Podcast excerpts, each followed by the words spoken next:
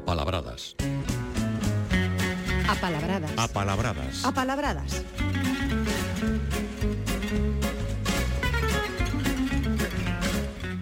Paulino Novo, moi bons días, que tal? Que tal, bons días. Palabra a palabra, Paulino, imos construindo xa unha catedral de palabras. Aínda nos queda moito por facer, pero a base te mola. E palabras quedan moitas tamén, eh? Hoxe falaremos de algunhas coñecidas, pero pa, para encher e para falar hai que traer algunhas descoñecidas. Hoxe traemos algunhas descoñecidas, xa verás. Sí, porque, bueno, para empezar, eh, propósnos continuar este, este ano de paseo pola rúa por onde imos as persoas e tamén os vehículos. Va a repasar algunhas palabras que temos para o que de maneira xenérica denominamos rúa. Sí, estas as palabras que imos falar son todas coñecidas. Rúa, sí, o sitio para camiñar ou para circular, non? En galego é a rúa, é unha palabra tomada do francés. Seguramente hai moitos galicismos chegaron ao galego a través xa que falabas da catedral, a través do Camiño de Santiago. Troixo, troixo moitas palabras do, do francés. O Camiño de Santiago e do contacto cos, cos nosos poetas medievais. Tamén había aí moito contacto, ese contacto trouxo, enriqueceuse con palabras. Rúa, se é moi estreita, pode ser ruela, e a festa que se fai na rúa, pois é unha ruada, E non é palabra só do galego. En castelán, ainda que nos parecerá raro, e o dicionario da Real Academia Española colle rúa, pero como, como, de, como palabra daqui do noroeste, pero en castelán hai ruano tamén, o que anda pola rúa aínda que no castelán a palabra que teñen é calle. E iso lévanos a que calle, efectivamente, non é unha palabra do galego, en portugués aparece en algún dicionario, como castelanismo, a forma calle, eh? pero sí que tuvemos a, a nosa forma relacionada con calle. Na lingua medieval chamábase cal, eh? e seguramente pois non aparece hasta o século XIV a palabra rúa, Eh? Antes era a cal, que é como se denominaba isto. Eh, cal que ven do latín calis, que era un sendeiro, que a súa vez ven de calum, o calo, a dureza, o que nos sae na pel, seguramente porque era o sitio para camiñar era un sitio que se ia endurecendo, non? Eh, en asturiano teño un caleio tamén, que vale un pouquiño para esa vía pola que se anda ou circula, aínda que tamén pode ser un paso estreito entre montes ou unha gavia que funcionaba de trampa para atrapar os lobos tamén. E teñen, eh, úsano tamén para unha denominación culinaria, que é o pito de Calella. Calella no sentido de o sitio, eh, un sitio exterior, eh, sería unha cousa como o noso galo de curral, porque pito é, é o galo, eh? Entón o pito de calella, que é algo rico que nunca provei, pero está aí pendente para ir probar en calquera momento. Veme a cabeza un calella na Costa Brava, un topónimo, pois calella pues, de Palafrugel. Pois pues, claro, tamén en portugués teñen calexa ou, ou calexo tamén. Eh? E en galego, bueno, temos ese cal medieval que dixemos, que sustituiu no século XIV se, eh, é por onde se pensa que se sustituiu por, pola palabra rúa que temos a hoxe. Ás veces este cal podese confundir eh, que veña deste calis eh, latino ou que veña que este relacionado con canal, con canle, eh? porque ás veces todos podemos imaginar que unha vía de circulación pode ser tamén unha vía de desaugue. Eh? Entón, pode haber aí eh, intercambio ou interferencia entre esas dúas entre esas dúas palabras. E en galego pois temos ademais de deste cal histórico, temos hoxe calella, calexa, calexón, calellón, canella. Canella, por exemplo, sí que entraría aí na interferencia eh, canal, eh? seguramente. Pero temos esas palabras que veñen desa procedencia que emparenta coa, coa calle. Outra palabra que todos coñecemos, avenida, rúa longa e ampla. Eh? eh, propiamente é a, a, a rúa que conduce a certo sitio. E isto explícase porque etimolóxicamente avenida ven de venire, de vir, eh? e do latín venire, vamos. E de eso, que en castelán tamén avenida ten un, eh, acepción de aumento do caudal dun río, porque é, é o que ven, que ven, que ven, neste caso, que ven cheo, non? E avenida que podía ter árbores, pero propiamente. A rúa con árbores é, é a Alameda aínda que esas, esas árbores non sexan álamos porque eu non fai falta que, que, que aproveitemos este, esta colaboración para explicar que Alameda vende álamo propiamente as alamedas tiñan tiñan álamos e por metonimia denominou o paseo ou a vía que tiña ar, que tiña álamos a un lado, non? Eh, despois uh, normalmente estas avenidas agora fanse con desde hai moito tempo con plataneiros e en galego hai moitos paseos históricos tamén dos, dos pazos con buxos eh? acordate do, do paseo de buxos que hai na illa de San Simón e tamén no pazo de Ribadulla que hai un paseo de buxos tamén de buxos deses grandes moi bonitos e para rematar palabras unhas que veñen de carro e outras que veñen de correr.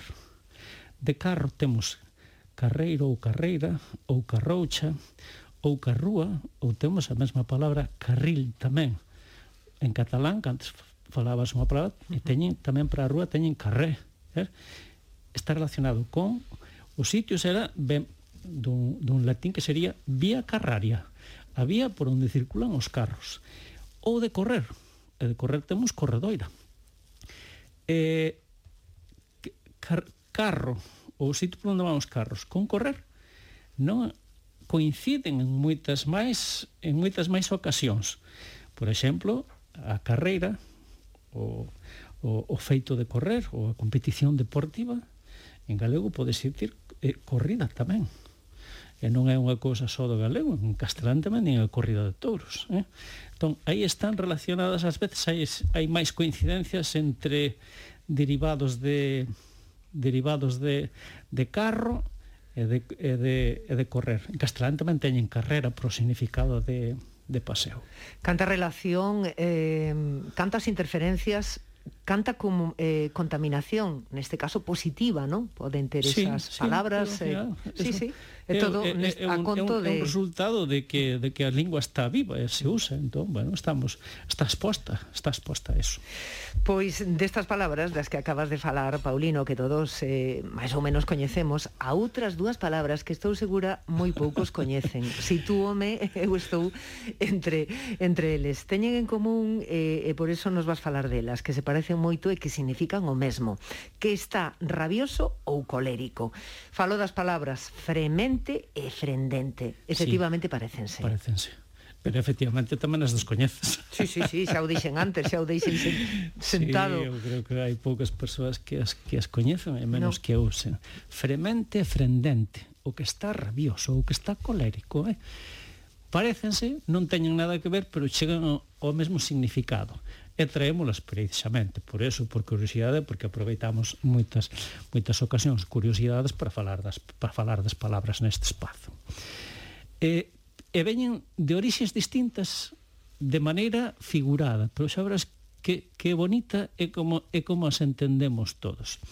Fremente ven dun verbo que é fremer, que é bramar, un animal, emitir un son eh, eh, grave e potente un animal e por extensión fremer tamén é berrar. E tamén ten un significado de tremer.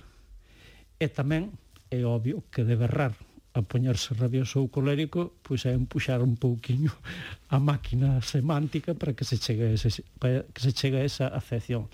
En portugués teñen tamén o fremer e fremir das dúas maneiras se pode dicir. En castelán non hai fremer, pero sí que teñen un substantivo frémito, bramido. Eh? E ven do latín, tal cal a palabra era fremere, e tiña o mesmo significado. Emitir un animal un son xordo. E tamén tiña o extensivo de queixarse unha persoa como bufando, non? Ou protestar airadamente. Entón, do significado ese de emitir un son así forte un animal a estar, a estar enfadado. E outra, frendente. Eh, aparecen algúns dicionarios galegos, pero eu creo que se trata dun lusismo, é palabra do, do portugués. En portugués, frender é renxer os dentes.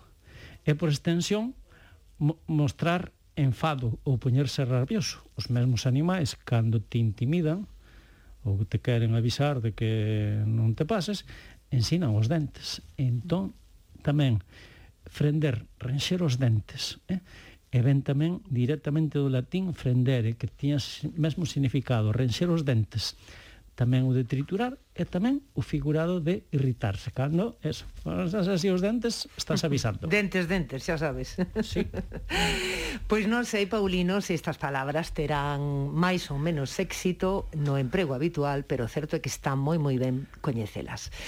E, e para rematar, co noso costume de traer unha palabra pouco usada, vasnos falar dun droguista que non é un drogadicto, que non toma drogas, senón que di embustes. Sí, drogueiro ou droguista.